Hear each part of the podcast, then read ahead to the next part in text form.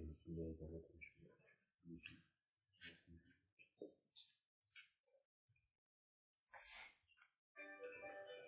Багш дор идэг мó, бурхан дор идэг мó, ном дор идэг мó, хогш дор идэг мó, багш дор идэг мó, бурхан дор идэг мó, ном дор идэг мó, хогш дор идэг мó, அஷ்டவித்துமோ வசுதாயித்துமோ நந்தாயித்துமோ அவதாயித்துமோ ஒட்டன்னம் நீகே சோதனை தேர்ந்தெடுத்துமோ миний ном сонсон буйм зэргүүнд бусад буйнаар хамаг нэмний тусал бүмгүтэр болтуга бурхан номыг чуулганы нэгэр төрлийн дүмний ном сонсон буйм Тергөөлтөн болсок буйнар хамаг эмне тусенту мүлгүе кыйгалык болтуга Орхамнам хеге чотхан хеге дүлгүлерин туртуп эйтеу Миний нам нам тергөөлтөн болсок буйнар хамаг эмне тусенту мүлгүе кыйгалык болтуга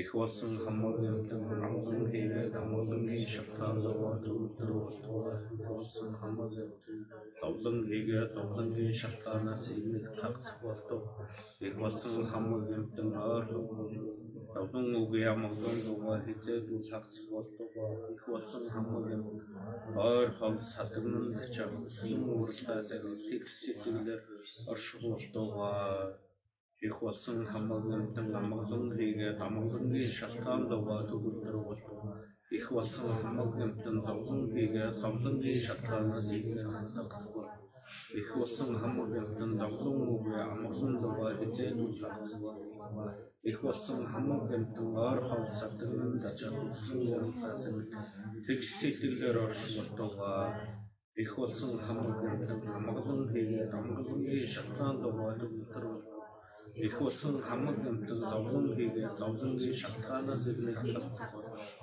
их болсон хамаг амтан ойр хол садгнан өслөн уралхаас тэгш сэтгэлээр оршуултугаа Анжин шимдаа сурчсан хаваа дөрвөө бачилсан чи тооцоо нэг бухад. Чалбаа явсраа зумдаа чанцаа.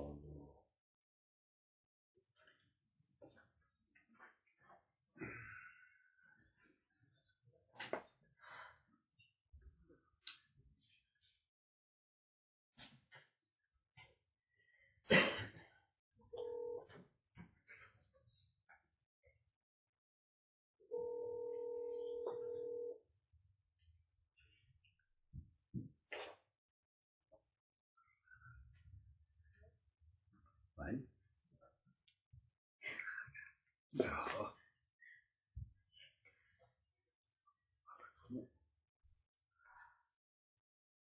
Болж гинөө.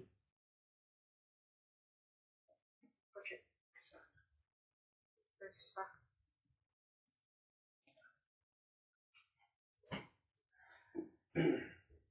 За бид Бодмөрийн зэрэг гэдэг нэлийн хэдэн удаа нэгчэл орчихсон байгаа. Тэр энэ ер нь бол энэ бодмөрийн зэрэг гэдэг нь ямар ном бэ гэх юм бол Бурхан багшийн зарилгын одоо юм хэтгэлийг одоо Бурханы одоо хотхыг олох арга зам мөрүүдийг бүгднгийн товчлон хураангуйлан бүгднгийн ерөнхийд нь гаргасан энэ номлыг одоо бодмөрийн зэрэг гэдэг ийм одоо номод багтаасан байх юм аа. Тэр бодмөрийн зэрэг гэдэг энэ номыг бол одоо Богдонховын гиган гэдэг одоо зовсон дав нэртэй шам айлтсан. Тэгээд зовсон дав гэдэг одоо шам айлтахтаа тэр жовж балдан адшаа гэдэг номын бодмөрийн зул гэдэг номыг дэлгэрүүлэн бичсэн одоо ийм ном юм а. Тийм учраас энэ бодмөрийн зул гэдэг одоо номыг зохиосон тэр зам бол энэ бодмөрийн зэрэг гэдэг энэ номыг одоо зохиосон юм шүү гэж ингэж альцсан байдаг учраас энэ бодмөрийн зэрэг гэдэг энэ одоо номын ихэнд нь бол одоо жовж балдан адшаа гэдэг номыг намтрыг гаргасан байна. Тэр ер нь бол одоо энэ номыг одоо ерөнхийдөө амьдлахтаа урд одуулгын хэсэг гэдэг хэсгийг урд нь гаргасан байна. Тэгэхээр урд одуулгын хэсэг гэдэг юм нь одоо хэсэгтээ юу гарсан байх вэ гэхээр энэ номыг ер нь ямар эрдэмтдээ хүн байж энэ номыг зохиол юм бэ? гэдэг одоо зүйлийг гаргахын тулд хамгийн урд талд нь зохиогчийн эрхмийг үзүүлэх буюу зохиогчийн намтрыг ихэнд нь одоо гаргасан байна. Хоёрт нь бол тийм эрдэмтдээ ламаас одоо ямар зэргийн эрдэмтдээ ном одоо альсан байх вэ? Энэ номын одоо үзэл судалсан нарыг ямар зэрэг төрхөөр гэдэг үгнээс номын эрдэмт гаргасан. Тэгээд тэрний дараад нь бол одоо ийм эрдэмтдээ одоо хоёр одоо эрдэм бүрдсэн буюу зохиогчийн эрдэм болоод тэр одоо номын эрдэм бүрдсэн одоо энэ хоёрын одоо эрдмийг ямар методоор байдлаар сонсох ёстой гэдэг үгнээс одоо номыг сонсохын тус эрдмийг гаргасан. Тэгээд тэрний дараад нь бол ийм номыг бол одоо ямар хүн одоо номлох вэ? Тэрхэн яаж номлох вэ гэдгийг гаргасан.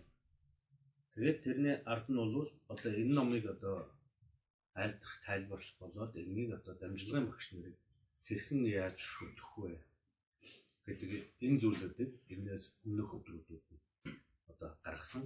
Өнөөдөр бол одоо энэ номыг үзэж судлах шавнырын зэрэг нь одоо ямар байх вэ гэдэг энэ өнөөдөр гарах бах. Тийм ба. Нэрэ. Өнөөдөр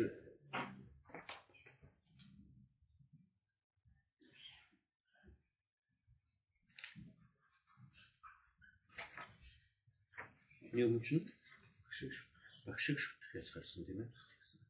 Тэгэхээр өнөөдөр бол шавийн бэлэг чанар гэдэг хэсгээс гарах. Тэгэхээр энэ номыг одоо сонсохын тулд ямар сэтгэлтэй байгаад одоо ер нь бол энэ орхны шашныг судлах одоо тэрнийг сонсохын тулд одоо ямар одоо байж сонсох вэ гэдэг энэ одоо энэний дараа дараад нь бол одоо тэр бэлтгэл бүтээлийг хэрхэн яаж хийх вэ? Буюу одоо тэр бэлтгэх ёс ямар байх вэ? Тэгээд тэрний ар дээр нь ер нь ертөнцийн зүйд огт ямар байх вэ? Үеийн үрийн шалтгаан ямар байх вэ? Үхэл мөнх өсгөж ер нь юу хэлэх вэ?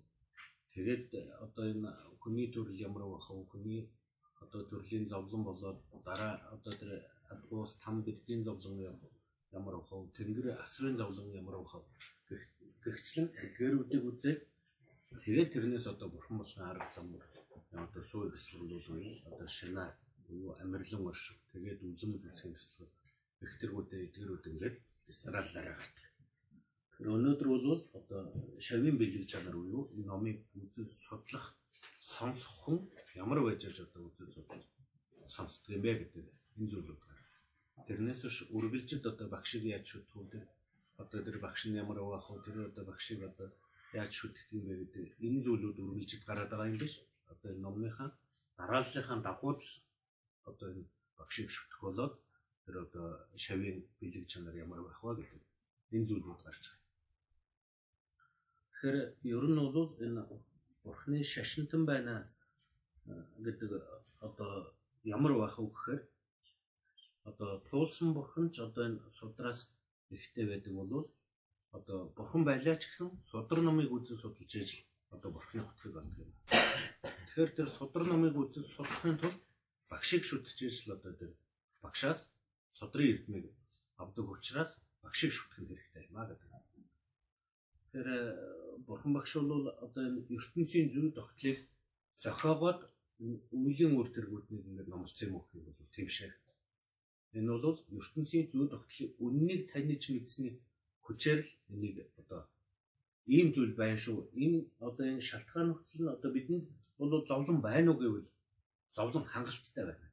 Бидэнд одоо хүссэн одоо олдохгүй зовлон байна. Хүсээгүй нь одоо оваархын зовлон байна, өвдөхийн зовлон байна, өтлөхийн зовлон байна, үхэхийн зовлон байна.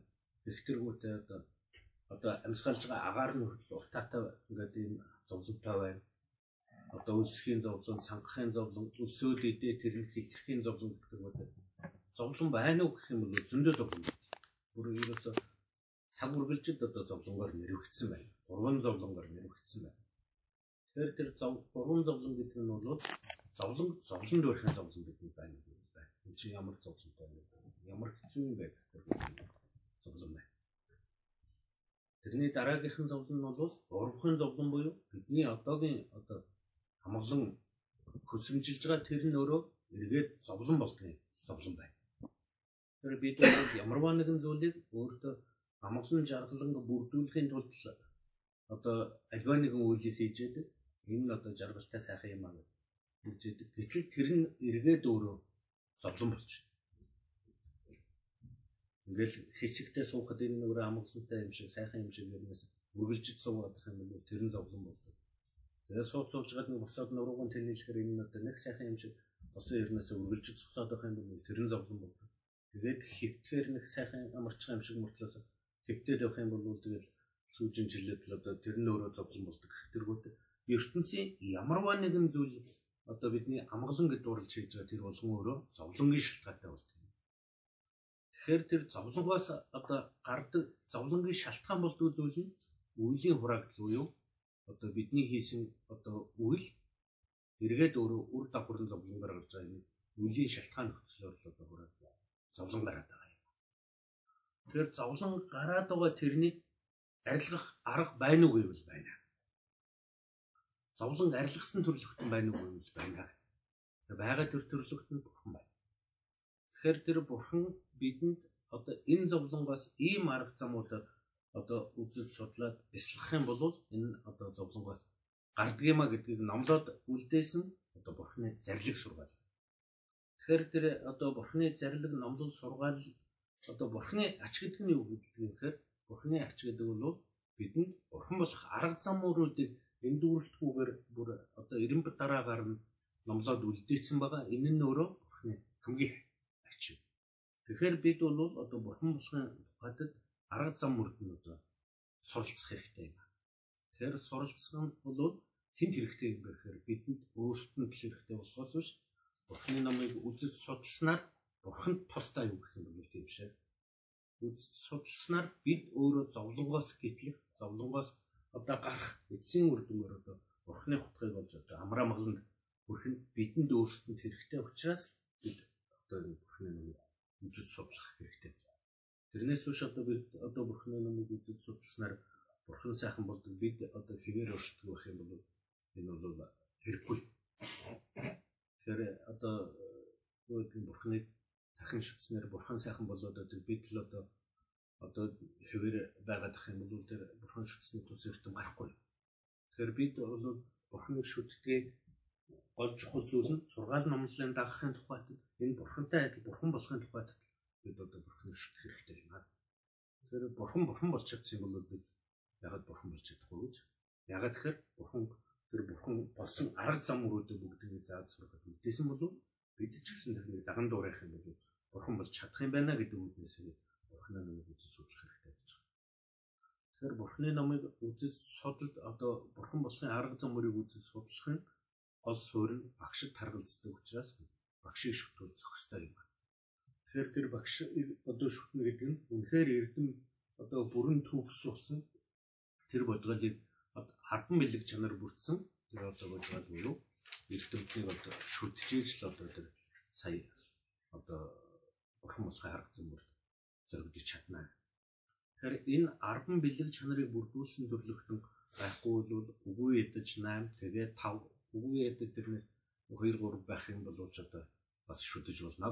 Тэгэхээр хамгийн гол нь бол тэр багшийн эрдмийн л одоо харгалзан шүтгэх. Тэгэхээр эрдэмгүй одоо хүнийг шүтэх юм бол өөрөөсөө одоо мэдлэг дорой хүнийг одоо багшид бариад шүтэх юм бол өөрөө уруудан доройчдөг. Ажил тэнцүү одоо мэдлэгтэй хүнийг шүтэх юм бол хэвээр л байгаа гэдэг. Өөрөөсөө илүү эрдэмтнийг одоо шүтэж гэмээр сая эрдэмтээ болж чадах юм аа. Тэр хуучин цагийн одоо эрдэмтүүд бол тэгээд одоо 200 300 багштай байсан гэж бас байна. Тэр бидний одоо багш нар альддаг. Зөвхөн нэг номыг нэг багшаар хөтлүүлээд тэрнийг болчлоо гэж үзэх юм бол бодлоо юм шүү. Нэг номыг багадан 3 багшаар одоо хөтлүүлэх юм Тэгээд тэрнээс дэш одоо нэг номыг одоо энэ бодмөрийн зэрэг байлаа гэхэд нэг болж гэмээр олон багшаар л одоо хөтлөх юм бол тэрх тустай бол. Ягаад гэхээр нэг багшийг орхигдуулсан утгыг нөгөө багш нь тайлбарладаг. Тэрний тайлбарлаж одоо одоо гүйцээгүй утгыг нөгөө багш тайлбарладаг. Ингээд олон одоо багш нараас нэг утгыг олон янзын одоо утгуудаар тайлбарлуулах юм бол бүрэн гүйцээр нь ойлгож чадах юм. Тийм учраас багшийг одоо шүхэн гэдэг нь зөвхөн нэг багшаар нэг номыг одоо хөтлүүлсэн төдийгөр одоо нэг гэх юм бол тэр бодлоо болно. Тийм учраас одоо багшийг одоо шүтгэн чухалтай юм. Багшийг одоо шүтсний тус эрдэм нь бол одоо тэр номыг одоо сэтгэлдээ буулгах болоо тэрнийг одоо өөрт хэрэгжүүлэн дадуулах нь одоо хамгийн чухал юм аа.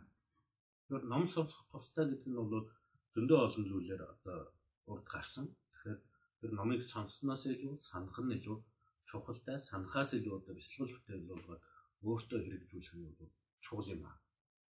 Тэгээд ном сонссны тус эрдэм сэтгэлд гардаг болохоос биш өөр зүйл дээр бол ер нь ертөнцийн одоо энэ одоо зүйлүүдээр бол тэр сэтгэл нь өөрчлөгдөх юм бол тэрний одоо сайн үеийн хурагдлаар гадаад амьдрал дээр ч гэсэн одоо тэр сайн зүйлүүд бүр тохиолдно гэдэг. Тэгэхээр өөрийн сэтгэл өөрчлөгдөхгүй байх юм бол тэр ном бас төдийлөн тустай биш байна гэдэг үгнээс орхиулах хэрэгтэй. Тэгэхээр энэ ном өөрийн сэтгэлд өөрчлөлт гарах одоо өгөө нь бол өөрийн шаналгаас саргалцсан. Тийм учраас одоо тийм шаналгатай байх одоо тэр одоо шав ямар байх вэ гэдэг энийг одоо өнөөдрөөс номлох нэ.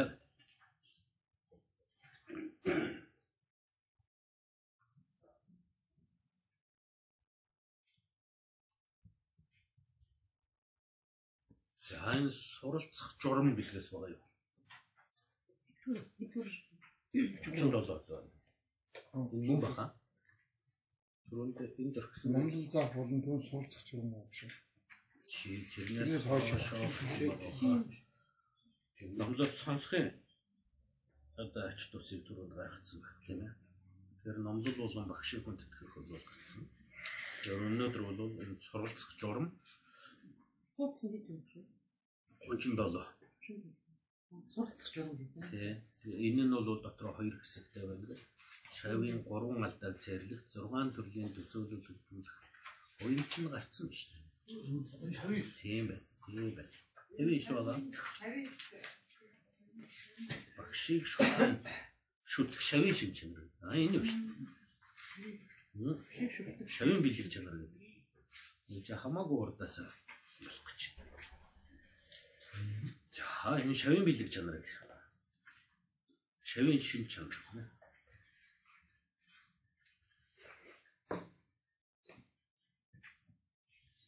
шүтгүүлэх багшийн одоо бэлэг шин чанар гэдэг энийг бол миний дөрөнд гаргасан байна. Тэгэхээр өнөөдөр бол одоо багшийг шүтэх шавийн одоо бэлэг чанар ямар байх вэ гэхээр шудраг ухаалаг дур сонирхолтой бол гэгэрэл дүүрэх сав болон багш шав аль нь ч биелсүүдэн баалах хуулагч бас л цээртэй.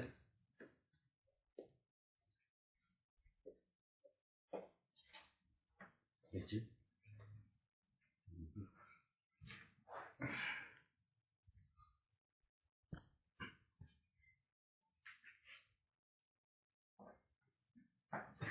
За хотгот ариан дэв ийм гурван чанартай хүнийг номлол сонсож болох шав хэмээн тодорхойлжээ.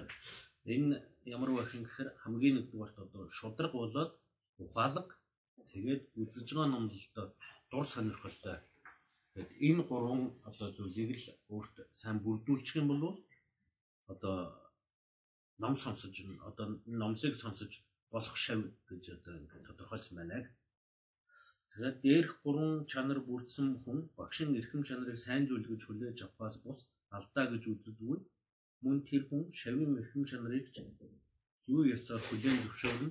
Харин шавийн шин чанар бүрдээгүй хүн номлол заах багш нь хэдий өөсөвгүй байлаач өөрийн буруугаас гэмтэн мэд үзэх эсвэл бүх алдаа дутагдлыг нь зөв зүйтэй мэд ойлгох явдлыг чандраа гэртийг тайлбартаа өгүүлсэн байдаг. Тэгэхээр бүх шин чанар бүрдсэн багш таарсан ч түүнийг олж танино гэдэг хэцүү. Үүнээс үүдээ шав өөртөө дээрх чанаруудыг шингээсэн байх ёстой.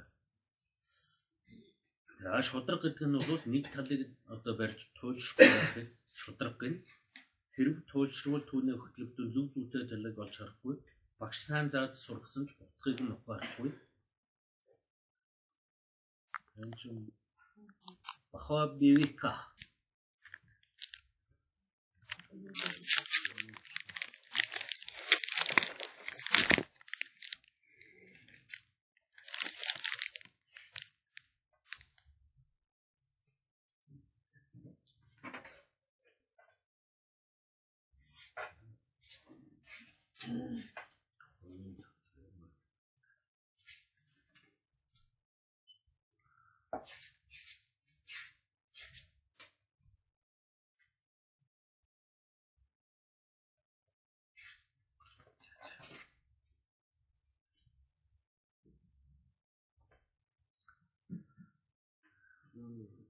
Төвөзлийн мөн чанар бүтээлдээ туйлшруул сэтгэлийг гэмтэлд автагдаж амгалан огт ойлгож чадахгүй гэсэн байдаг.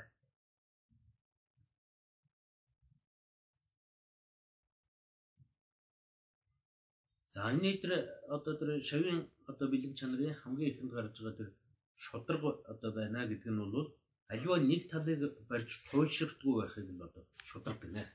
Тэгэхээр энэ нь юу гэж байгаа юм гэхээр одоо үнэхээр энэ нь бол одоо зүв зүвтэй юм аа гэдэг үргэлжид өөрийн талаас одоо энэ л одоо миний бодсон зүв багш хэлсэн л зүв гэдэг ингээд хэтрүүлэн барьж байгаа энийг бол туйлширлаа. Аль эсвэл энэ үнэхээр буруу юм аа. Энэ ерөөсөө болохгүй юм гэдэг.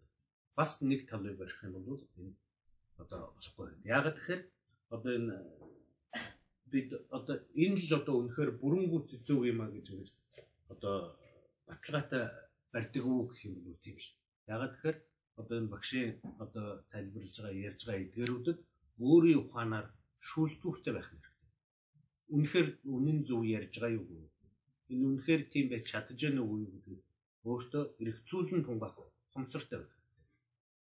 Тэр үнэхээр үнэн зөв байх юм бол тэрнийг сая даган бараадах нь хэрэгтэй болохоос биш зүгээр бүх зүйл дээр багшийн зөв байна гэсэн ийм байхгүй. Тийм учраас энэ шудраг байх нь хэрэгтэй юм. Тэгэхээр хэтрүүлээд одоо бид бол бурхны зарлиг сургаалыг ч гэсэн эргцүүлэн тунгааж энэ үнэхээр үнэн зөв байна уу? Бурхан багшийн одоо энийг номлохдоо яагаад ингэж номлов?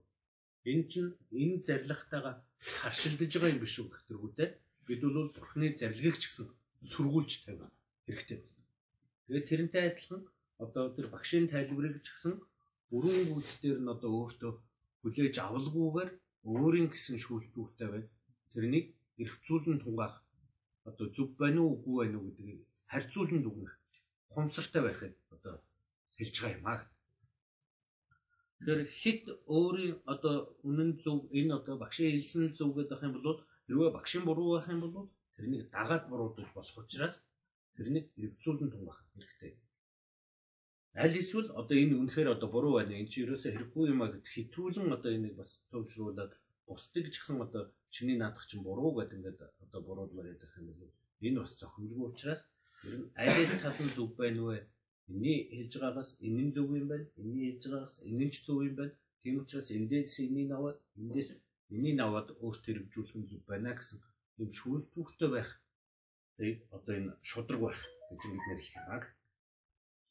Хэрвээ тэ одоо төлшрөл нь одоо хитрэх юм бол амгалантай байж өрдөөсөж чадахгүй.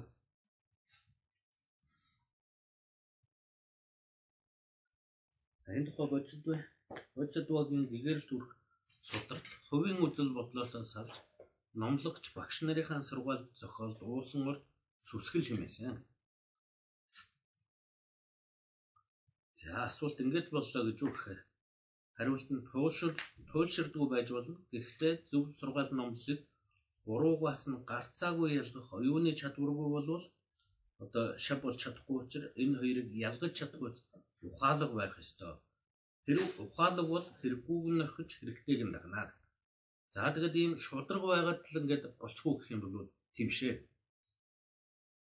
Одоо шудраг байж болно, туйлширдгүй байж болно. Гэхдээ зөв сургаал номлолыг буруугаас нь одоо ялгах оюуны чадвартай байх нь хэрэгтэй юм аа. Энэ нь одоо хэрэгтэй байна. Энэ хэрэггүй байна гэдгийг ялгаж салгаад өөрт хэрэгтэйг нь өөрт дадуулан хэрэгжүүлэх ийм одоо ухаантай байх. Тэгэхээр ийм ухаан одоо үед бол заавалчгүй байх хэрэгтэй. Нийлэн нь ялангуяа одоо цаг. Ягаад тэгэхээр одоо нэг ялангуяа одоо миний хувьд гэх юм бол хуучинсаг үзэлтэй гэдэг юм уу одоо багш нараар одоо уламжлаад ингээд дадуулсан одоо магадгүй хэдэн зуун жилийн өмнөх үеийн сургалтын системээр сургагдаад яг тэр хөвшилдээ баригдсан байгаа юм. Тэгэхээр одоо энэ болгоныг хуучин тэр одоо нөхцөл байдлаар нь одоо би одоо тайлбарлаад хүргэж байгаа. Тэгэхээр энэ болгоныг одоо бүр 100 жилийн өмнөх үеийн тэр дамжлагаар ингээд дамжуулж яваад үнэхээр өөртөө хэрэгжүүлээд ингээд байх хэрэгтэй байна. Энэ дотроос хэрэгтэй хэсгүүдийг аваад өөртөө дадуулаад төр одоо төрүүлээд хэрэгжүүлэх. Энэ бол одоо цагт бас яг одоо таны хувьд гэх юм бол одоо энийг бас шүүн тунгаагаад өөртөө хэрэгтэй талаас нь дадуулах хэрэгтэй байгаа. Ийм цаг. Тэгэхээр та нарын хувьд бол одоо одоо над чиг одоо тийм одоо хуучны багш нараар яг хуучин уламжил сургаалаар ингээд сонсоо тэрнийг хэрэгжүүлнэ гэдэг нь бас тийм цохимжтой зүйл биш байх гэж зарим нэг зүйл байна. Тэгэхээр тийм учраас энийг хэрэгжүүлэн тугаагаад өөрсдөнд хэрэгтэй байгаа тэр одоо сэтгэлд хэрэгтэй байгаа тэр зүйлүүдээ харьцуулан дүгнээд үнэхээр хэрэгтэй байх юм бол тэдгэрүүдээс өөрт хэрэгтэй зүйлүүдэд дадуулан хэрэгжүүлэх нь бас чухал хэрэгтэй цаг үе байгаа баха гэдэг нь бодож байна. За асуулт энэ хоёр чанар байхад хангалттай юу гэдэг. Хариулт нь үгүй тийм. Хэдийгээр дээрх чанаруудыг агуулж байлаач сургаалт үлгэр сонсож байгаа мэт зүгээр сууснаар номлол сонсох одоо сонсох юм бол шабуулж чадахгүй маш их итгүүл итвэх зүтгэл гаргах хэрэгтэй байна. Тэгэхээр зүгээр л одоо тэр шудраг байгаад ухаалаг байсан тэр төдийгөр ингээ болчих юм уу гэх юм бол тийм шээ. Шудраг байж болно, ухаалаг уу одоо тэр сонгох авах чадвартай байж болно. Гэхдээ тэр ном сонсож байгаа энэ үеүүдтэй одоо ном сонсохдоо зүгээр нэг тийм одоо үлгэрт сургаал одоо сонсож байгаа юм шиг за тийм байна энэ ч нэг юм байна гэсэн энэ төдийгөр сонсчих юм бол сонсдог байх юм бол одоо хэрэггүй. Тэгэхээр хэрэгтэй нь юу вэ нөхөд эдгэрүүдийг ойлгож мэдэж цааш нь өөрт хэрэгжүүлэн татвал итвэх зүтгэлтэй дур сонирхолтой байж байгаа юм. Төрөүний хоёрын хэргийг гаргах юм. Тэгэхээр шудраг байж болно. Дээрээс нь ухаалаг байж болно. Тэрнийг өөрт дадуулан хэрэгжүүлэх дур сонирхол одоо итвэх зүтгэлгүй байх юм бол энэ бол бас талаар өнгөрнө. Тэгэхээр талаар өнгөрүүлэхгүй тул шавийн одоо бүрдүүлэх ёстой бэлэг чанарын хамгийн чухал зүйл нь одоо үзэж байгаа номлолоо лавшруулан үзэх дур сонирхолтой өөрт дадуулан хэрэгжүүлэх одоо итвэх зүтгэлтэй байж байгаа юм байна. Энэ ном ном сонсох тус эрдэм гарна. За чандрагтээ одоо өөрийн тайлбартай эдгээр чанаруудыг дээр нь чанарууд дээр номлол болон багшийг хүндэтгэх сэтгэлэн зориулах хоёрыг нэмээд шавийн 5 бэлэг чанар гэж ингэж тодорхойлжээ. Мөн эдгээр 5 чанарыг хураавал дөрв болно. Дур сонирхолтой сонсгол сэтгэлэн зориулах, номлол улам багшийг хүндэтгэх, дөрөв дөрөв нь буруу сургаалыг орхинд зөвийг дагах. Ер нь бол одоо 5 шавийн 5 бэлэг чанар гэдэг байх нь гэдэг. Тэгэхээр тэр шавийн 5 бэлэг чанар гэдэг нь бол одоо шудраг, ухаалаг, тэгээд одоо ном сонсгол одоо номд дур сонирхолтой дээрэс нь одоо номлол болон багшийг хүндэтгэх тэгээд тэр нь сэтгэлээ зориулах гэсэн ийм таван бэлэг чанар байгаагаас энийг одоо хураах юм бол номлолдоо дүр сонирхолтой сонсоход сэтгэлээ зориулах номлол болон багшийг хүндэтгэх буруу сургаалыг орхих орхин зөвийг дагах буруу орхин зөвийг дагах гэх энэ дүр байх нэ. Хамгийн гол нь одоо барих өөрт дадуулах одоо шавны бэлэг чанар гэх юм бол энэ байна За энэ дөрвийг саруул ухаанаар зохицуулж төв шудраг зангаар зөрчлийг давдаг. Багшид өөрийгөө даатгах шавийн дээрх шин чанарт өөр гүйцэг бүрдсэн эсхийг шинжигдэн бүгд бүрдсэн бол баярлахаас өөр аргагүй. Тэгэхээр энийг бол өөртөө өөрийгөө шинжих нь бол хэрэгтэй юм байна. Хараахан бүрдээгүй бол хооштой бүрдэх нөхцөлийг бий болгохын тулд шавийн үндсэн шин чанаруудыг мэддэг байх ёстой мэдхгүй аваас өөрийгөө шинжиж чадахгүй болоод агуу сайхан боломжоо алдахад хүрнэ. За энэ шавн багшийн шүтгэх ёс. За эднэр ерөнхийд нь бол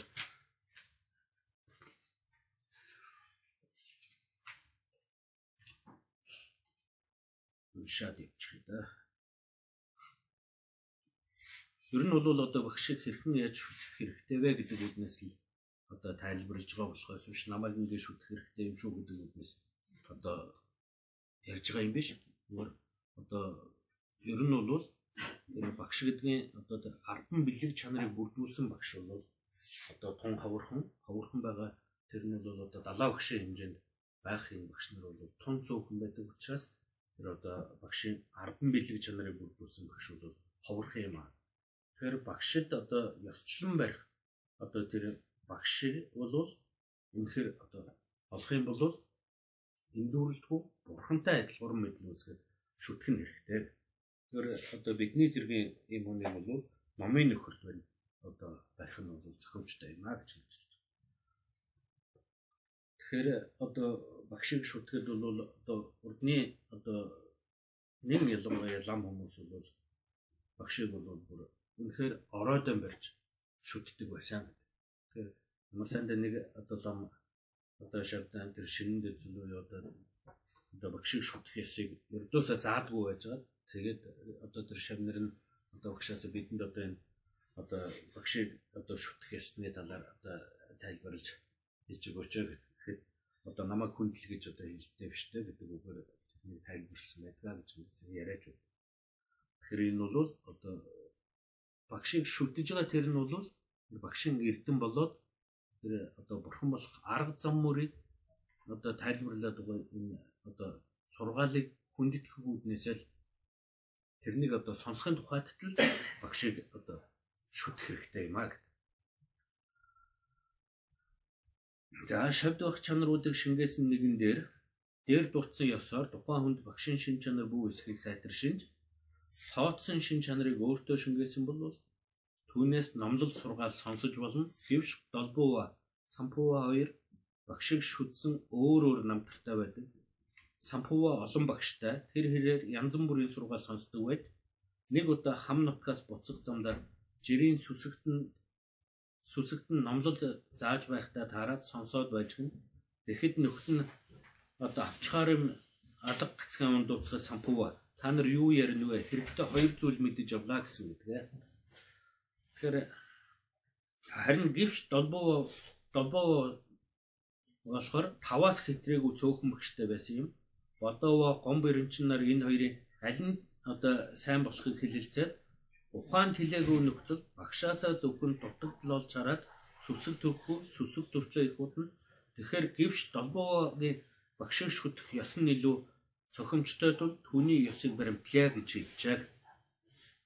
Энэ тун зөв шийдвэр уг ёсыг дагаараа гэж.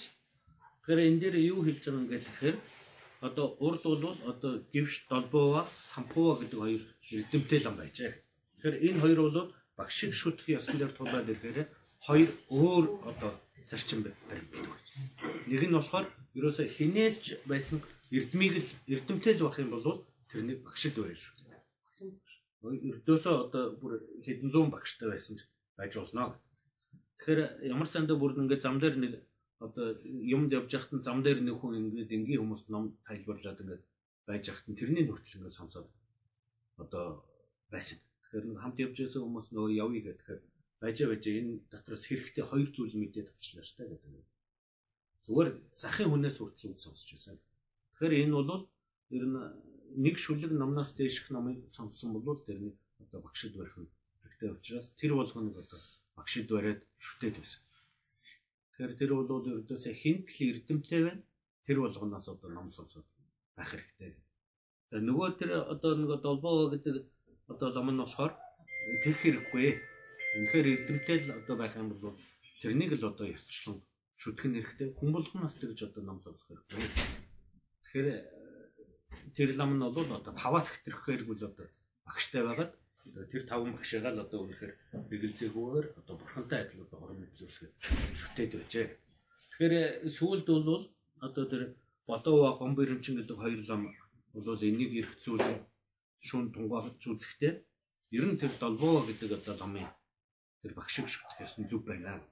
Ягаад тэгэхээр одоо хүн болгоноос ингээд ном сонсоод байдаг. Гэтэл тэрнийг багшид барьж одоо шүтэж чадахгүй байх юм бол багшиг одоо эс хүндэлсний алдаа гэдэг зүйлүүд үеийн хураагдал гарах нэ. Тийм учраас одоо тэр хүн болгоноос ном сонсож явах нь бол зохимжгүй. Тийм учраас тэр одоо бивш одоо тэр одоо долбоогогийн ёсоор цөөхөн багшиг ёсчлон нь одоо цохимжтой юм байна гэдэг үднээсээ тэр нь бол хэрэгтэй юм байна.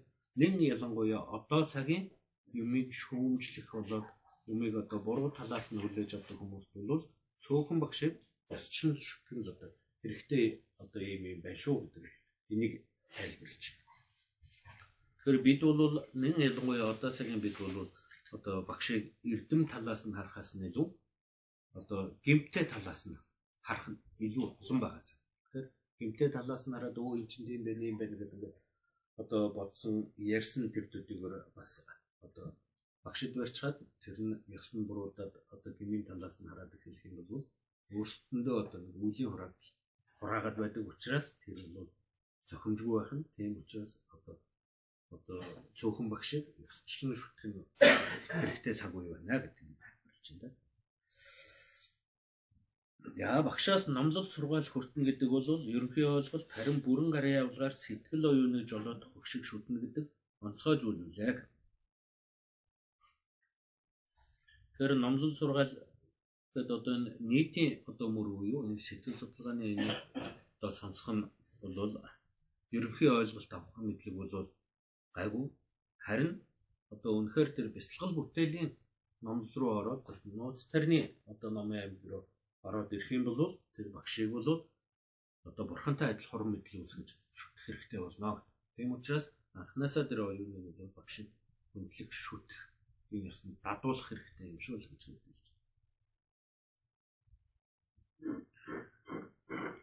За багшийг шүтэх санаа бодлого Тэгэхээр үүний гурван хэсгээр тайлбарлана. Багшийг шүтэх ерөнхий хандлага гол үндэс болон сүцгийг баттгах багшийн ачиг дурсан санаж бишрэх. За тэрний нэгдүгээрт нь бол багшийг шүтэх ерөнхий хандлага. Гол гол модон байгуулах сударт багшид хүндэтгэлтэй хандах 9 хандлагын хэмээн заажээ. Тэдгээр нь багшийг шүтэх гол санааг агуулах бөгөөд хураангуул бол дөрвөн зүйл болдог. Нэг дуулгартай хүмэд хандлага Өөрийн зоргоор явах болж багшийн удирдлагад бүрэн орон дуулууртаа хөөхөд аливааг өөрийн зоргоор хийдэггүй. Эцгээсээ зөвлөгөө хүсэж хэлсэн үгийг нь дагдаг. Үүнтэй адил багшаас зөвлөгөө хүсэж байна. Энэ цагийн энэ цагийн гэгэрхсдийн бяцлагал сударт шав өөрөө орхиж багшийн зөвлөгөөг дагдаг гэсэн байна. Гэхдээ багшийн шин чанар бүрдсэн нэгнийг л даг барагтайхан нэгэнд бол төрлөөж болохгүй гэж сануулжээ. За тэгээд үнэхээр л одоо тэр багшийн бэлэг чанар бүгд бүрдсэн тэр одоо багшийн 10 бэлэг чанар одоо бүрдсэн тэр багшийг л одоо ингэж одоо дуулууртай хүмэд дагах болохоос биш хэн нэгэн одоо барагтайхан одоо нэгэнд бол тэгээд энэ зөвлөлөөд оч болохгүй шүү гэдгийг одоо сануулж байна. Эвдэршгүй алмаа алмаазмын хандлага. Шулан болон буруу санаатан багшаас нь салгаж чадхааргүй ижилсэж Номын нөхөр болон дээрх сударт энэ тухай ингэж өгүүлжээ. Улааныг үзээд урвж шарыг хараад шарвалцахыг цээрэлээрээ. Тэр энэ эвдрүшгүй алмаазмын хандлага буюу одоо багшийн дэргэд одоо завсаргүй одоо шадралах цаг үргэлжид одоо багшид номын нөхөр болохыг хэлж байгаа юм байна. Хөдлөшгүй газар мэт хандлага багшийн оноосон ажил үүрэг тариуцлагатай хамт ямар ч үүрэг өгсөн халширт шантарч болохгүй. Одоо байвал Жанави Жанава гэдэг нэг шавнарт одоо хандан хэлэхдээ та нар миний багш шиг одоо бодисдуутай учирч хэлснийг нь дагаж яваа чинь хувь заяа шүү. Өгсөн үргийг нь дарамт биш шагнал гэж бодоцгоо хэмээсэн юм шүү гэв. За үүрэгтэй хариуцлагатай хандах. Энэ 6 төрлийн хандлага бай. Ямар ч зовлон тохиолдсон ажилтгүй байхыг хүрээлсэн уулсан мэт хандлага гэнэ.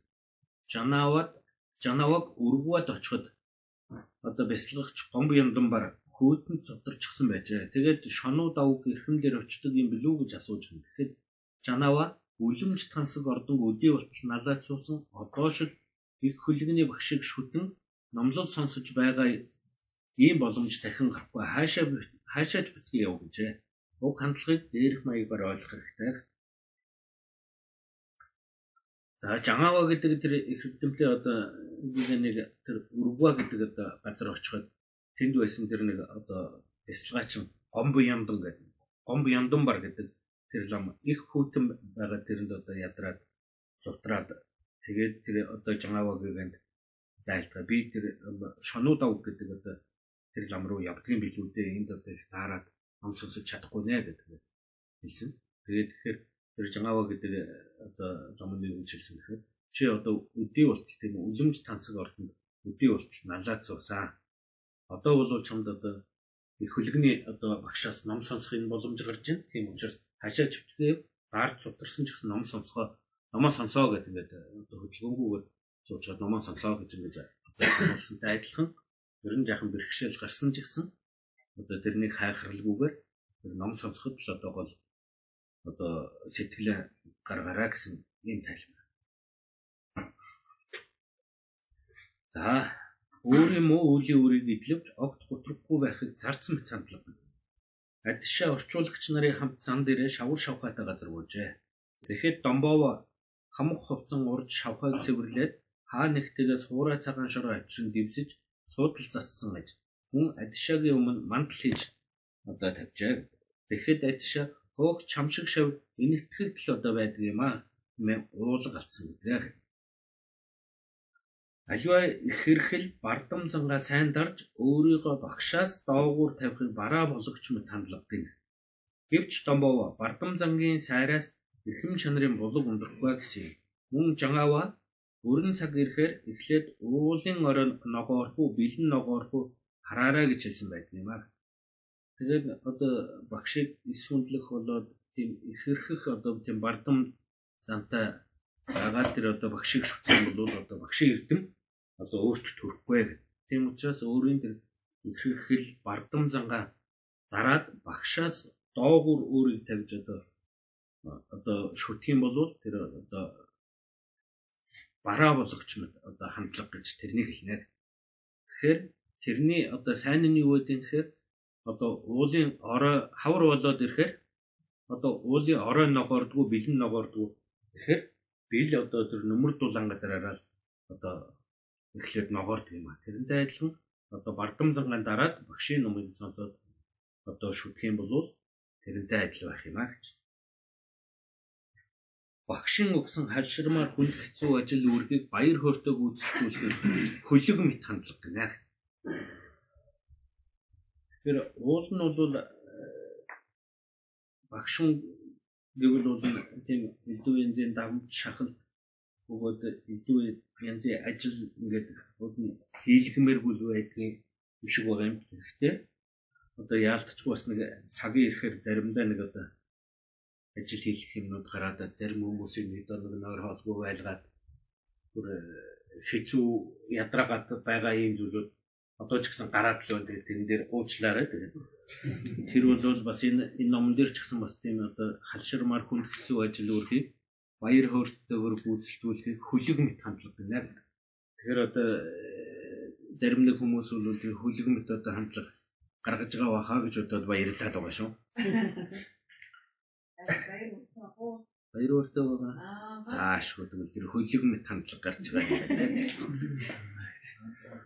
За багш загнаж зэмлсэн ч уурлахгүй байхыг нохой мэт хандлага гэнэ гэж. Багш одоо доолон ба бурханч гэвч хасоог таарх болгонд загнадаг байжээ. Нэг удаа хасоогийн шав нэгмава доолон ба багшд нь уурлаж байхыг хараад таныг загнаж байгааг ойлгож байна уу гэж асуухад би ингэж загнуулах тоолондоо хээрүүгөө бурхны хүчийг олж авдаг юм аа гэмээр цасаа хариулсан гэдэг. Энэ нь болохоор тэр нэг дооломба гэдэг одоо лам одоо өөрийн шав дээр ласоо гэдэг одоо бурхан урлаач тэр одоо ламыг таарх болгондоо загнаал зургүй их загнад өгч тэгээд тэгсэн чинь тэр ласоогийн шав дээр нэгмаа гэдэг лам нь одоо тэр өөрийнх нь багшд нь ингээл нөгөө багш нь уурлаад багшийг ингээд загнаад байгаа. Нөгөө багшаа ингээд одоо таны багш ч дахиад их тэрхий загнаад хэцүү байгаа юм шүү. Төвхтэй юм шүү гэхэд. Вэ энэ бол намайг загнаж байгаа юм биш. Надад эцтэдийг харилж байгаа юм аа. Тэгэхээр багшин дээр одоо загнаж байгаа тэр нэг ч гэсэн өөрт одоо эцтэдийг даавлаа дээрэс нь одоо хилэнцээ гарилгаж байгаа юм а гэдэг үгнээс нь бодох юм бол тэр нэгд бол буруу үзэл төрөхгүй хоёр дахь юм бол тэндээс нь альцчдыг одоо авна гэдэг. Тэгэхээр одоо тэр хэрүүга бурхны одоо альцчдыг одоо би авдаг юм а гэж ингэж хариулсан байх юм а гэдэг. За мөн бэлэг оюуныг өргөх одоо 8000 бадагт сударт багш нь шава цагнад том жиргүү хандсан ч тэрсэлдэж болохгүй харин улам бүр номлол руу тэмүүлж сүсгэлэн араас нь үггүй яв хэмээсэн байдаг. Тэгэхээр энэ бол одоо бол ийм одоо байж байгаа тийм багш гэж одоо байхгүй хаа тийм учраас энэ бол тийм хамааралтай биш болсон баг. Уучин цагт бол тэр багшид зодуулах барихын тэр юм бол нэлээд чихтэйхэн байсан юм шиг байна. Багш нар ярихдаа тэр багш нар нь бол суудлаа гурав нэг тийм наадын боргос хийсэн тэр хөрөө зүгээр болгоод тавьчихдаг байсан гэдэг. Одоо та нарын үед бол одоо ёстой тийм зодуургүй болж ёстой тун сайн болж гэсэн мөртлөө зэдэл ирэхээр шап шап хийлгээл байдаг байсан. Одоо бол тийм байх болсон. Тэгэхээр энэ бол одоо тэр багш нь шаваа зарнаж одоо тэр зодох барих юм одоо бол бүр байхгүй болсон юм шиг баха. За багш ямар ч ажил өрөг өгсөн нааш цааш ухаас залхахгүй байхыг сал мэт одоо хандлага гинэ. Тэр хуучин цагийн одоо энэ багшийн барилдлага гэдэг бол одоо бүх зүйлээ одоо мелвогд одоо лам тэр нэг марав одоо багштай очиж уулзахдаа хоосон сав өргөө тоосон цаваа өргөхдөө энэ дотор би бие хэл сэтгэл гурваа өргөё гэдэг бүх зүйлээ одоо өргөө төртөл шаварж байсан тийм. Дээрээс нь одоо үнэхээр тэр одоо дээдийн номыг заах одоо багшийг 12 жил хүртэл одоо шинжтэй. Үнэхээр тэр одоо дээдийн номыг цав болох одоо бүрэн цав болж чадах тэр шавыг 12 жил хүртэл шинжиж шаваар авах тэр ийм зүйл урдны мэрэгүүдийн цаг олон байсан. За гол үндэс болох сүсгийг батглах. Уран эрдний зулын зулын зар сударт. Сүслэгтлэх сэтгэл нь гэгэрлийн нээж тул сүүгээр нь ухаарлаар амлуулж үрээн харамлах мэт зовлонгоос гэтлгэж үрдийн цэнгэлд гараас нь хөтлөнө бэлэг зүрхэн сүсэг оршиход эрхшээ гомог бишрлэр солигдсон эд баялаг төл болж хүргэн эрхэн буйны гар болж хураана. Яг түүнчлэн 10 чанарын чанарын сударт ийм үг үлсэн байдаг. Сүсэг бишрлэн гэгээр хүргэх сүх тэрэг унаа хүлэгм сүхэтэй хүн лүүнийг таньж сүсгээс хүлэглэн дээшэн дэвчнэ.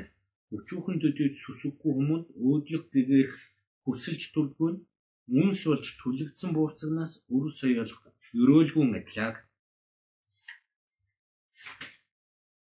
За энэ багшийг шүтлэхэд бол одоо нөгөө гол номлолын суур болдог учраас энэ одоо яг заавалчгүй мэдэх нэг зүйл биш учраас энийг ерөнхийд нь бүгднийг зүгээр уншиж хадаад тайлбарыг багшиг тэгвэл энэ дээр дахиад нэг хэд чонжож магадгүй юм шиг. Тэгээд тэрнээс хойш одоо тэр бяцлах журам тэргүүт рүү ороод ирэхээр тайлбарлаж авах шиг их хамаад дийтэй тийм үү. Тэгвэл бол өнөөдөр энэ дээр ингээ тайлбарлаад яваад дунд нь дахиад ингээ завсарлах хэрэг болох юм шиг байна. Тийм учраас энийг одоо бол энэ ялангуяа одоо бол бүгднийг нь ёсчлон барих, ёсчлон одоо дагах ийм цаг үе биш болсон учраас ерөөхдөө бүгднийг нь уншчих. Тэгээд энтэй хамт нөгөө одоо юм буюу бишийн дамжлага буюу тэр сонороор дамжих одоо тэр номын эцдэг давхар байдаг учраас нэг хүрчлэн уншаад байна. Тэр энийг бол одоо хожийн төвд одоо энэ бодмөрийн дэргийг бол зөвхөн одоо бодмөрийн дэргийн ламрингийн юун сонсох гэх юм бол ерөөсөө тайлбаргүйгээр мөгчлэн уншаад явчихыг юун сонсох гэдэг нь л дээ. Тэгэхээр энийг тайлбартай сонсох юм бол шатлан буюу өгчлэн тайлбарлсан юм гэж ингэсэн. Тэгэхээр энэ одоо багшийн багшийн шүтэх ёсыг бол ерөнхийд нь бол тэр одоо дүнгийн дамжлаг маягаар ерөнхийд нь ушаад гүйцэтгэх юм байна.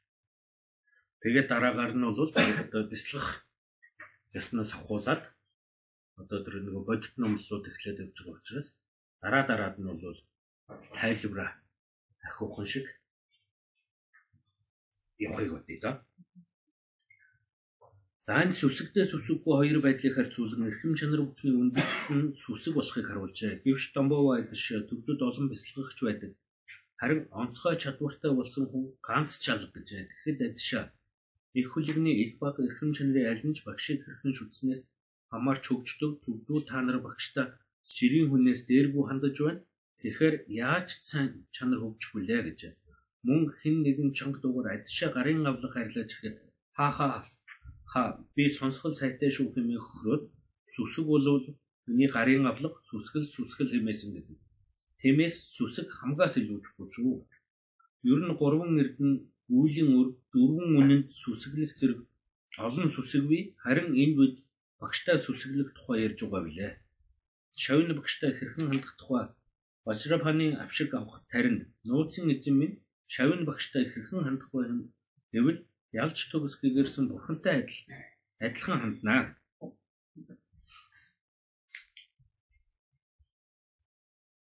Энэ очрооны авшиг авахын одоо үйлс бол одоо тэр очроонаас одоо очроон минь ээ шавны одоо багштай одоо хэрхэн хандах вэ гэдэг ингээд асуухаар одоо тэр багшийг ялж төгс гэгэрсэн бурхантай адилхан л одоо харуул зохистой юм а гэж ингэж хэлсэн байх нэ.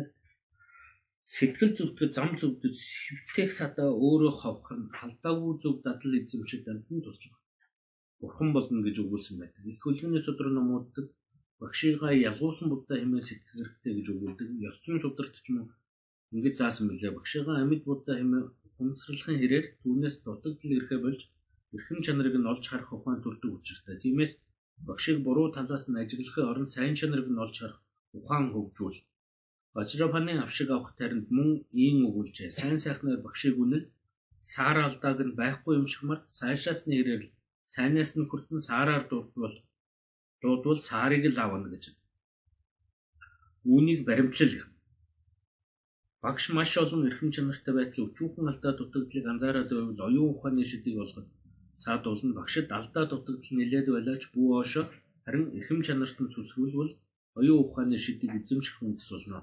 Тиймээс өөрийн багшид их баг ямар нэг дутагдaltaй ч түүнийг нь өвчлөлт буруу бодлоо дахин дахин дадуулбал тийм зан үгүй болно хэрвээ ингэж чадахгүй эсвэл буруу санаандаа автан дутагдал дээр нь анхаарал төвлөрөөд байвал химээ намжиг дахин давтахгүй гэж андгаал тэгвэл айжмдаа ийм зам дарагдана мөн багшийн ёс суртахуун эрдэм мэдлэг сүсэг зэрэг аль байгаа эрхэм чанарт нь анхаарал хандуул тэр сайн талыг нь үргэлж санаж бодож ба ингэж сурвал зарим нэг дутагдал байсан ч сайн чанарт нь сэтгэл төвлөр сүсгэлэхэд заадгүй болно. Жишээ авъя да чиний дургу хүн олон сайхан чанартай ч зөвхөн алдаа дутагдлыг хайх сэтгэл түүний сайн талыг олж харахад нүд таадаг нөгөө талаас өөрөө олон дутагдaltaй ч ганц нэг сайн чанараа дүгийлгэн бодлоор өөрийнхөө алдааг олж харддаг. Адшаа гүн ухааны хувьд матха мика үзэл баримталдаг багш Сэрлэн бан Читаматра Сакараватын үзэлтэй байсан үзэл номдын үүднээс үзвэл багшаа хоёрын хооронд их ялгаа бий. Гэхдээ адшаа их хөлгөн суралц хүнсэн шатуулсан гэгээр гэмүүлэг Сэрлэнбагийн гарын явуулгаар хөгжүүлсэн билээ. Тиймээс тийм ч учраас түүнийг бусад багш нараас дээгүүр тавьдаг байсан. Багшийг зөвхөн сайн талаас нь харж дутагдлыг нь анзаарахгүй байх нь зүйл босчгэлээ сурах хэрэгтэй. Ганц шат сургаал хийж өгсөн байсан ч ингэж хандвал зохино. Энэ талаар Нандин эрдний үйл судртын өгүүлжээ. Багшийг дагуу зөв дадал нэмэгдэж, алдаа дутагдал зөөрн багш чинь их баг судалсан мэдлэгтэй мэдлэггүй ёс зүгээ ёс зүгээ сахдаг сахдаггүй ямар ч байсан ялгуулсан будтай хэмээн бодож сур. Бурхантай учруул баярлаг сүсгэлэг тэрэл хэмжээгээр багштай баярлаж сүсгэл багшигаа хүндэл дахин хүрээ тэгээр л төрөхөд дутуу байсан буян бүхэн гүйцэн салбар дууралцсоор байгаа сэтгэлийн гэм бүхнээ сална гэж бодвол баяр баясгалантай болно. Сүүнийг сайн чанарыг нь дуурайлал болгон муугаас нь цээрлэж яваа. Мөн хар хүн уграагийн асуултанд хариулсан судар. Хар хүнгөө бодисдуунаар аман альбуур сонсох болон уншихыг өгөөмөр чанар ёс суртахуун төвчээр зүтгэл бяцлал бэлэг оюуныг эзэмших тэрчлэн бодисдугийн замбарын төвшин төрөх чуулбарыг хоригдлуулахдаа ганцхан шатаар нь гарын авлага өгсөн багшид зүү ёсоор хүндэлдэг. Хэлсэн сургаалд нь хэдэн нэр томьёо үг үсэг байн төдий тооны галуу тэр багшийг үргэлж томдлон дахин өргөл барьц өргөл яддаг 10 хүнгүй. Энэ бол багшид үзүүлбэл зохих зүү ёсны хүндэгдлийн нэгэн хэсэг. Тэгэхээр бусад өргөл хүндэтгэлийн тухай ярих нь илүү зүзээ. Багшийн ачийг дурсан санаж бишрэх 10 чанар сударт. Төөгч явахад олоод буу дуудагчаар бод түнэр шөнийн зүудний сэрэгчээр бод үйлдэндээ жөхөд гараа сунгагчаар бод үннээс зүрхэд дуудад заллагчаар бод орчлонгийн гавыг тайлсан чөлөөлөгчөөр бод ороосон өвчнийг эдгээс ангаагчаар бод атгах шунал хөслийн түүмрийг наадрын үйл болж унтраагчаар бод гэсэн байна мөн гол модон байгууллагчдаар дэвгэрхэн судалгаана эрхэм гэгэрлийн багш минь намайг бүх муу заяанаас аварсан хэмээн өгүүлсэн байна.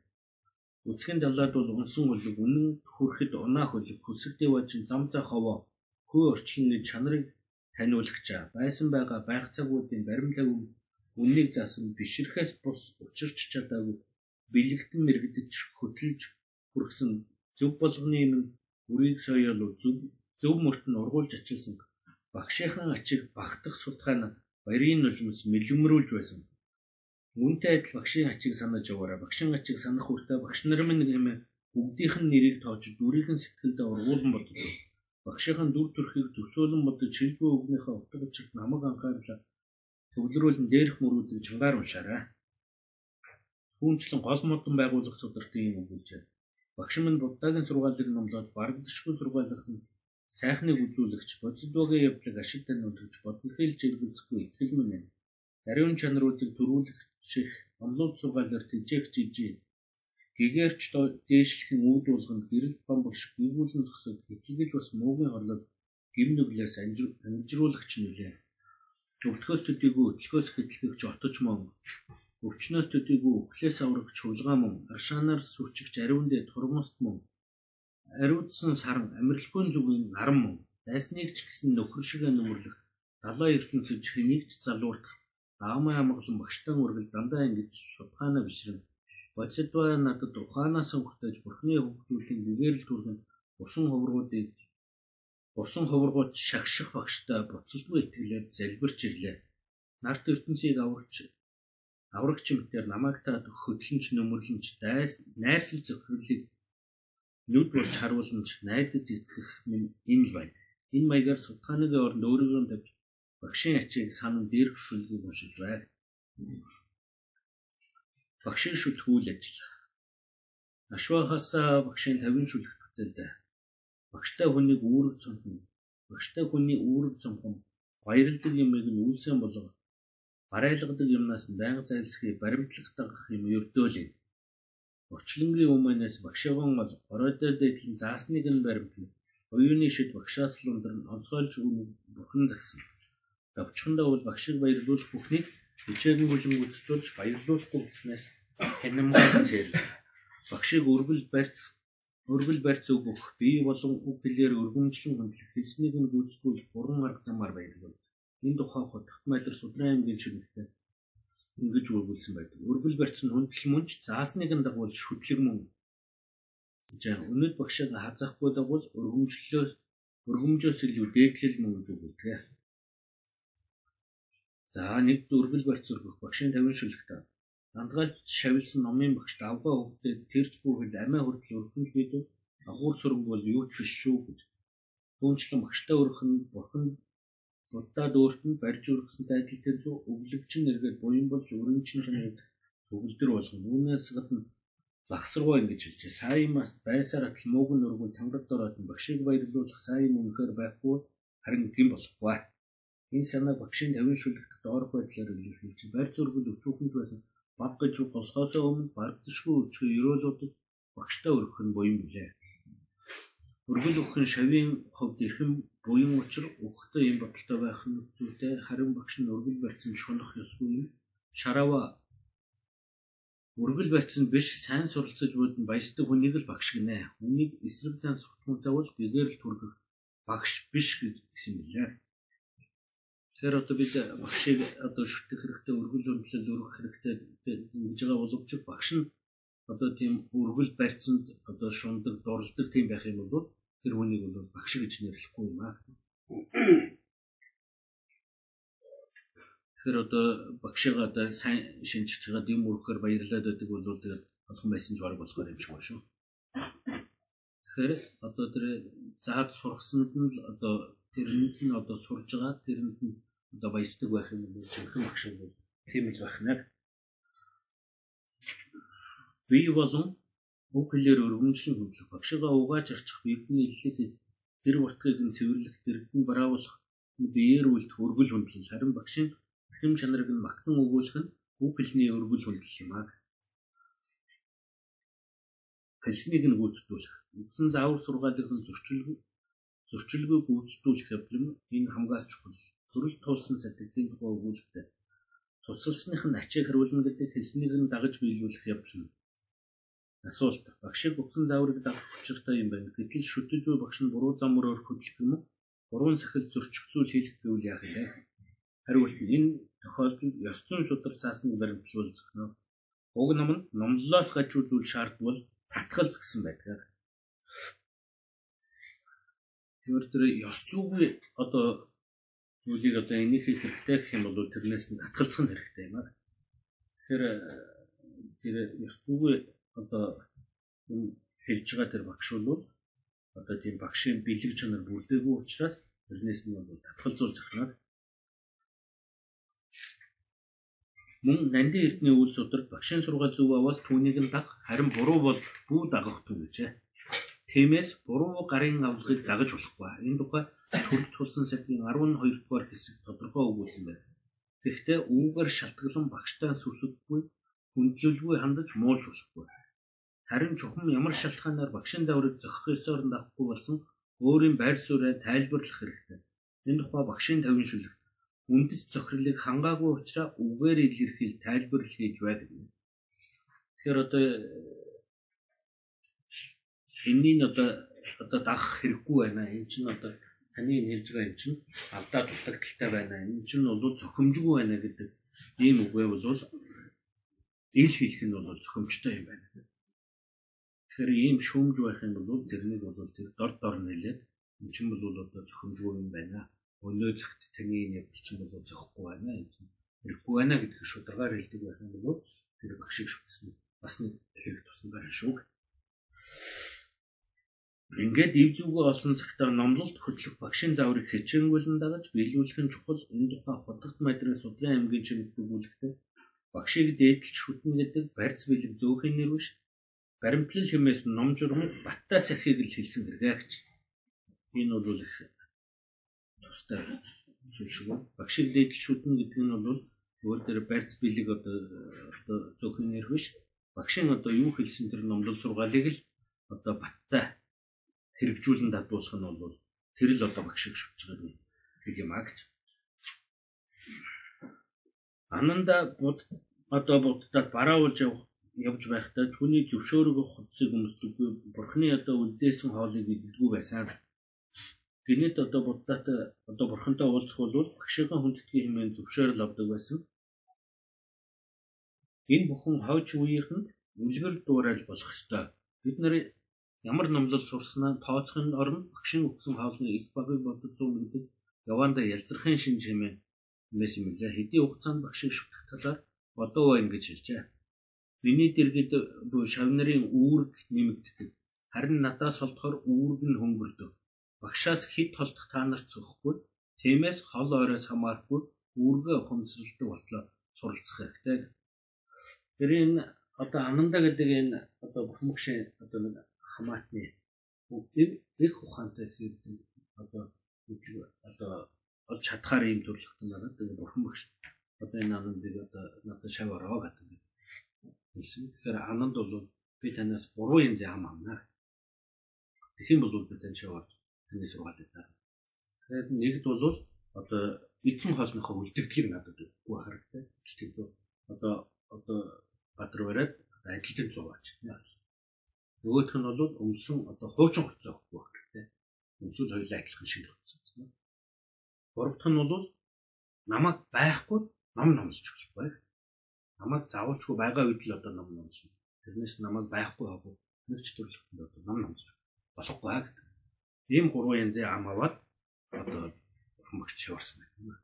Тэгээд дараад нь одоо багштай таарахтаа одоо би таны хүндж болох уу гэж багшаа зөвшөөрөл авч байгаа одоо багшаа одоо болно гэдэг юм бол одоо байсан. Тэгэхээр энд бол одоо бурхмагшээ одоо чавны хүртэл бурхмагштай одоо хандж ирсэн бол одоо одоо ч гэсэн ялгаагүй одоо тэгээ заавалчгүй одоо багш ээжээс нөгөө маань нэг ч гэсэн зургуул гэдэг юм зөвхөмжтэй биш байх нэ. Тэгэхээр энэ анамды одоо юм дээр ярихад одоо энэ цагаан шүхртэй одоо энэ номлыг хэмгш анамдыг байхгүй хавгар. Тэр нөгөө энэ тэнгэрүүд нөгөө асрууд асруу одоо тэнгэрүүдтэй одоо байлдаа тэгээ тэнгэрүүд нөгөө асруудад ялгагдаад ирэхээр бурхан мөгшөөс үрж ирж аврал айлтгсан гэдэг бид одоо ингээд оройтлаа яллагдлаа гэхээр бурхан мөгш одоо тэнгэрүүдийг одоо тэр зовлонгоос нь гарахаар замбар заах ном одоо номлох гэсэн ананд байхгүй. Тийм учраас анандыг байхгүй хогор одоо ном номлохгүй гэдэг ном авчихсан. Одоо болохгүй болоод тэгээд өөрийн одоо дээдлийнх нь өснө үеү тэр одоо агуулда тавьсан өснөр нь одоо цагаан шүхт бурхан болж байгаа. Тэгээд тэр нь дэше одоо цагаан шүхтэй болсон. Тийм учраас одоо зүгдэр гэдэг. Одоо өснөрийн чимэгт гэж юм шиг нэрлэгддэг. Энэ бол ир төвлөгөө нэрэ альцсан юм юм. Тэр хуучин цагийн одоо зарим одоо энэ Монгол номнор ч гэсэн багштай холгүй ойргүй байхын залбирал гэсэн тийм зал тусгай залбирлын судрыг зохиосон байдаг. Хэд хол байх юм бол ном сонсож чадахгүй.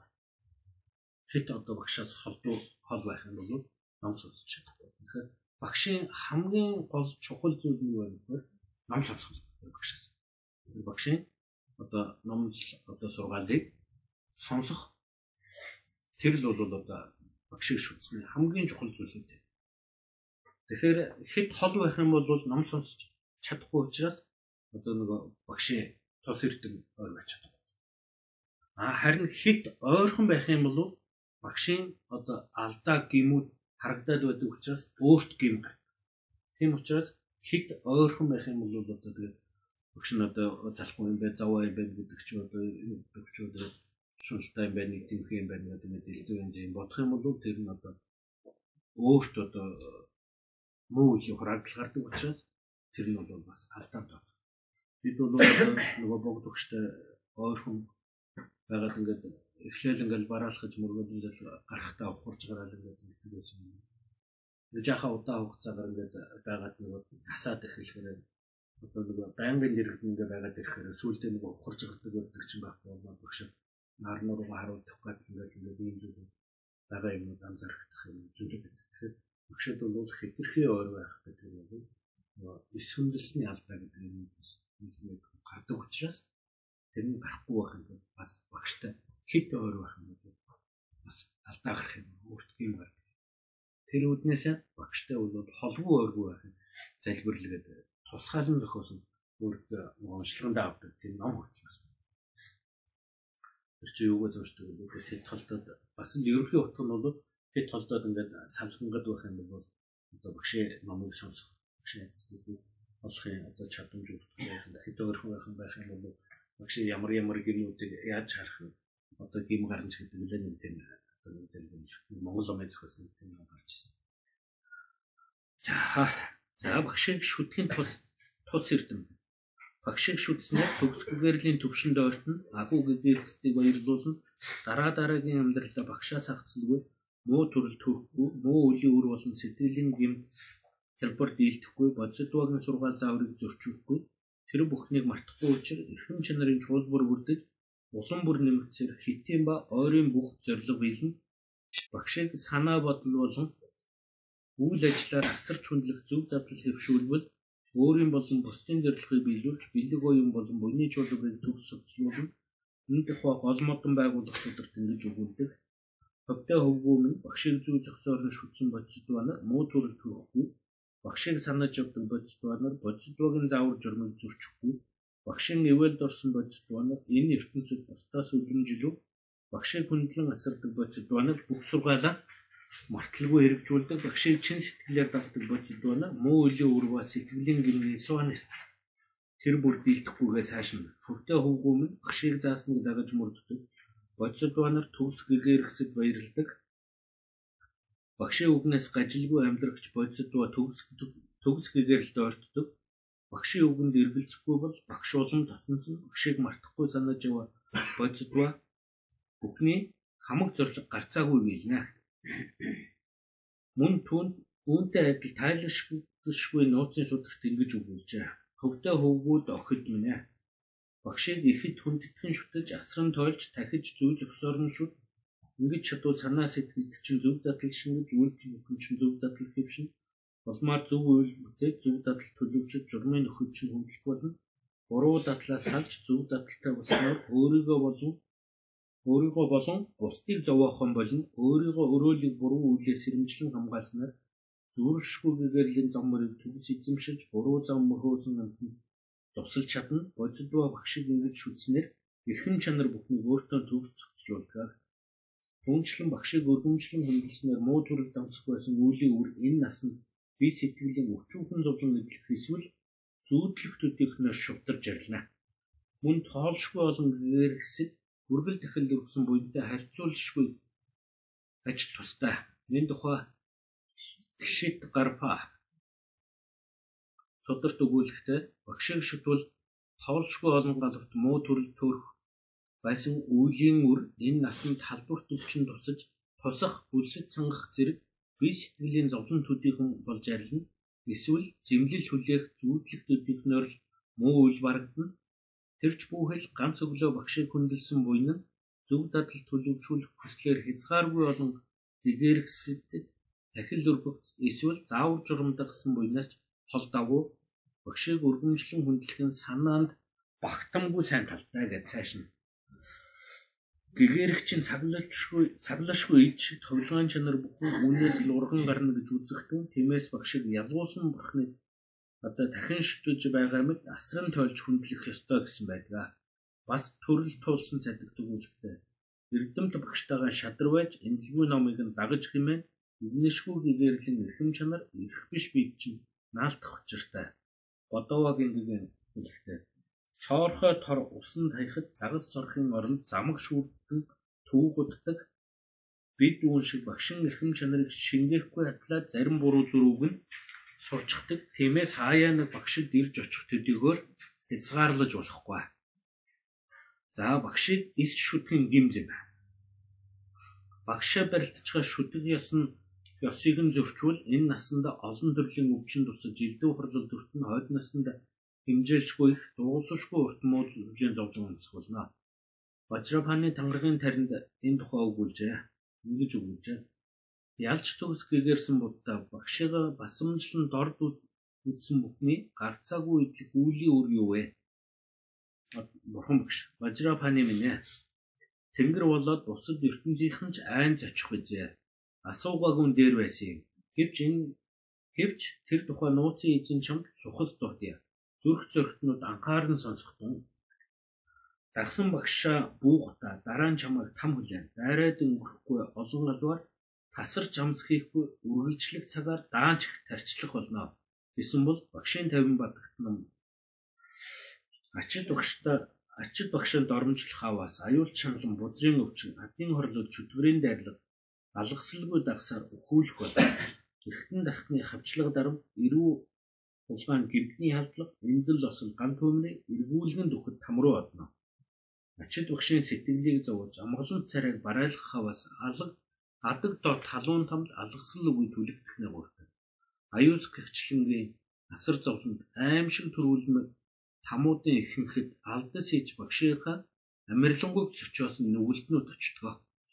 Сууд шант дивагийн төвөрлсөн хар дайсны хэцүү утгын тайлбарт энэ талаар Хэлсэн сургаал нь бадагхан бадагхан байлгаж хизээ түүний багшаар дуудахтун хэрвээ тэхгүй бол нохоолж төрн хиттэй бас ярахчин төрлөж одоо төрнөө түүнээс гадна хөгжөөгүй байсан эрхэм чанарууд огт төлөвшөхгүй харин төлөвшөн улам доордно энэ цагийн гэгэрхсдийн мэтлэгийн зүг хэрвээ шавин багштай хар буруу санаад догшин ширүү хандаж уурвал эрхэм чанар огт төлөвшөхгүй. Багшиг ялгуулсан бурхантай адилтгаж үзэхгүй бол Мөн л адил гурван хөлхний баримтлагч номлол заасан ховрогыг хөндлөхгүй буддаа хэмээн сад сэтгэж чадахгүй аваас бүрдээгүй байсан хэм чанарууд өгчгүй төлөвчсөн шайн чанарууд нь замхарна. Багшийг хөндлөхгүй бол сэтгэлийн эрхэм чанар мохноо. Гурван номлогч муу хүнтэй нөхөрлөл сайн чанарууд аяндаа хоргодож өгдөг Улмаар алдаа дутагдал нэмэгцээр хүсэнгүй үр дагавар чадчихна. Тиймээс игнэх зээрлэж ав. Гэвээ номлыг үргэлж санахын судаг. Хүсэл шунаг уур хосог мөнхөлийн уг суурь нь муу нөхөр юм. Тэрээр хор тургамалтай адилхан байсан. Мөн агуу нэрван судар бодсодванар муу нөхрөөс имэж ав галзуу заан түүний дэргэд юу ч биш. Галзуу заа ам бие төдийг л сүйтгэдэг бол муу нөхөр зөв бодол ариун сэтгэлийг үгүй хийнэ. Галзуу заан махан биеийг хөнөөч муу төрөлд аваачихгүй. Гэтэл муу нөхөр бүтсэн Өнийг сүйтгэхэд муу төрөл төрүүлэх нь гарцаагүй гэсэн байдаг. Тэгэхээр ер нь бол одоо тэр муу дуруу татгагч одоо буруу үйлэнд нөхөрлөгч тэр одоо буруу үйлийг одоо хань нөхөр татаад одоо хоёр дайлыг тэгээд дэрийг чигээр муу үйлэнд уруу татдаг байх юм бол өтөр төргөн шалтах хэрэгтэй. Тэгээ тийм муу нөхөр бол одоо галзуу занаас ч одоо хамаагүй хорлолтой байх юм. Галзуу зан гэдэг бол хэлсэндээ хурж ирээд дээрээс тавч чадчихад амийг л тасалж чаддаг боловч тэр нэг тамруу аваачиж бол чадахгүй. Дараа төрлийг одоо муу болгож чадахгүй. Тэгвэл энэ бидний одоо амь насыг одоо таслана. Биеийг харин дараагийн төрөл бол одоо доошоо явахгүй. Харин муу нөхөр гэдэг бол тэр муу зүйл дөрөв татагч одоо одоо хилэнцгийн үйл одоо руу татагч тийм нөхөр байх юм бол Тэр бол харин одоо энэ насыг ч одоо сүлдэхээ зогсохгүй дараагийн төрлүүдийг ч гэсэн одоо доош нь урууд нь татах ийм зүйлүүд гардаг учраас ийм одоо муу нөхөр байх юм бол болж игэл одоо эртхэн төрөө холхон байсан дээр шүү.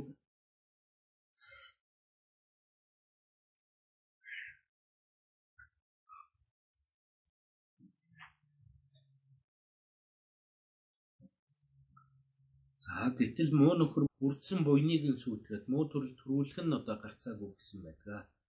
Түүнчлэн үннийг өгүүлэгчийн бүлэг муу нөхөр могоомтер мөхгийн хороор сэтгэлийг хатахад ачид угшин сургаал өрөндгөр аврах хэмжлэгээ хийхгүй болвос уулын өргөлд гаран алдаад унаж нисэж өгөхтэй адил гэсэн байхад нөхдийн тухай цомрлогтын тухай Итгэл бишрэлгүй харамж хахад элдэв ховруу шөрвөлзөн гүрч эрдэмтэн гэрээс сэрвэн тойрогч ийм нэгүүлтэнтэй битгий нөхрлөө. Буруу санаантай нийлхийн цагт буруугүй байлаач хүмүүс цэрвэн адилхан гойдлууд нийлээ үзмэн амтны ам чамд мөрөө. Гимтэй амтнтай нөхрлөж ортвол гим нүглэн чамдал нэл чамд ч нэлзэн ортой будаа ганцхны хүүхэд л хоолчин бүхлээр хорл болтгоо.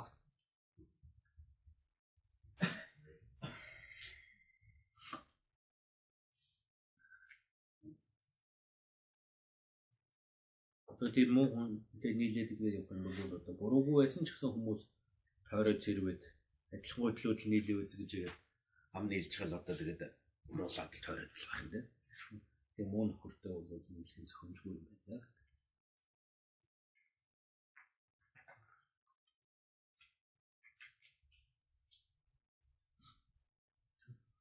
Буруу хүнтэй нөхрөлвөл жам ёсны болоод тогтоосон хууль цаазаас гажих алдаа дутагдал багасхын оронд харин шинээр нэмэгдэнэ. Гэвч Домбова муу хүн сайнтай нөхөрлөвч төдийлөн сайжирдгүй. Гэтэл шилдэг сайн нь муутай нийлбэл дорхны адгийн нэгэн болно хэмээсэн. За нүгнэлт багшийн йог буюу одоо тэр гүрүү йог гэдэг юм нэрлэгдэнэ. Тэмээх алдарт гарын авлагын дээр өгүүлсэн ёсоор өөр юм шийлэх нь чухал. Гэхдээ ганц нэгэн удаа бяцлахыг судлаа гэж тэрэг болохгүй. Үнэн голоос номлол эзэмшиг гэвэл алдаагүй хөтлөх сайн багшид удаан дагах шаардлага гарна. Гэтэл явцын дунд нэгэнт багш шав барилдах дээрээ тулахаар бодлоос ухардаг гэж Чадгава гин одоо гэдэг хэлснийг санууштай. Өөрөөр хэлбэл багш шав барилдах журмыг сахиагүй улмаас өөдлөх бус бүр уруудах нь ч вэ. Багшаа болох ёс журам нь бусдаас хамгийн чухал буюу хитийн зориг болох нирваны үндэс болно. Ерөнхий агуулгыг нь эрхэм зэрэг эрхэм зэрлэг болон түүний утгын тайлбар зэрэгээс ишлэн авч ойлгоход төхөмтэй болголоо. Мөн хэрэгжүүлэхэд хэлбэр болгох үүднээс эрхэм зэрлэн утгыг ухаарсан мэрэгдийн хэлсэн үгсийг нэмж шигдэх вэ. Өөрснөө бусад их бүлгүүдийг нэмж судлаарай. Бидний сэтгэлийн гим хэрээс хэтэрсэн учраас багш барилдах ёсыг ойлгодоггүй, ойлголооч дагаж мөрддөггүй, олонтой номлол сонсдог боловч багшаавын тогтсон журмыг зөрчих нь нэг тэгсэн асал буруугаа ухамсарлаж дахин алдахгүй төлөө чармайхан даанч цөөхөн тиймээс дээр өгүүлсэн ач тусва гим зэмийн талаар дахин ахин дахин бод бас урд төрөлдөө багшаавын барилгыг зөрчсөн гэмээ шин сэтгэлээсээ намжид тэгээд дахин зөрчихгүй гэж олон удаа андгаад номлолд суралцах шавд байх ёстой чанаруудыг өөртөө хичээнгүйлэн бүрдүүл түүнээс гадна шин чанар төгс бүрдсэн багшийн тухай байн байн бод. Эгээл түрхэх багштай учрах нөхцөл болсон. Бэлэг оюуны цогц буйныг нэмэгдүүлэхийн тулд нэмэгдүүлэхийн зэрэгцээ түүний үргэлж хүсэн залбирч бай. Тэгвэл тун удахгүй бодисдва нарын манлай болсон садав парарути игэрлийн багшиг үггүйрэгч судхаанаа шиг болох нь дамжиггүй аа. За ингээд энэ шинэ үндэслэлийн намаа өгөө багшиг шүтгэсний тухай үзлээ. Одоо 5 дугаарх нь бяцлагах журам. За ханы дараагаас одоо тэгээд үндсэн гол номлол руугаа ороод одоо бяцлагах нь ямар байх вэ? Бяцлагыг одоо ямар дараалал одоо бяцлал гэдэг нь ер нь юу хийх вэ? Яаж бяцлах вэ? тэргүүтээ зүйлүүд нь дараагийн хичээлүүдээс орхон дээ. Тэгээд за тэгээд саяны тэр ерөнхийд нь уншицсан тэр нэг очоод ор бүрдээ чадвал нэг уншчихыг бодоорой. Тэгээд хэрэгтэй юм байвал аваад хэрэггүй байвал тэгээд оюун ордоо цагийн битэн цохимжгүй тайлбар байна гэдэг бодцоход бас болохгүй юм байна. Legionnese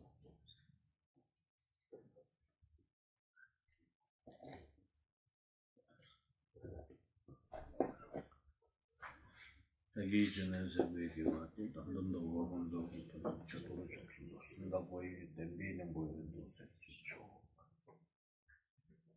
За бидний ном номлсон сонссон буйнаар хамаг амтэн хамагсан тэгээд амгалангийн шалтгаан лугаа төгөлдөр болтоо ба хамаг амтэн зовлон хийгээд зовлонгийн шалтгаанаас ирнэ татцах болтоо ба. За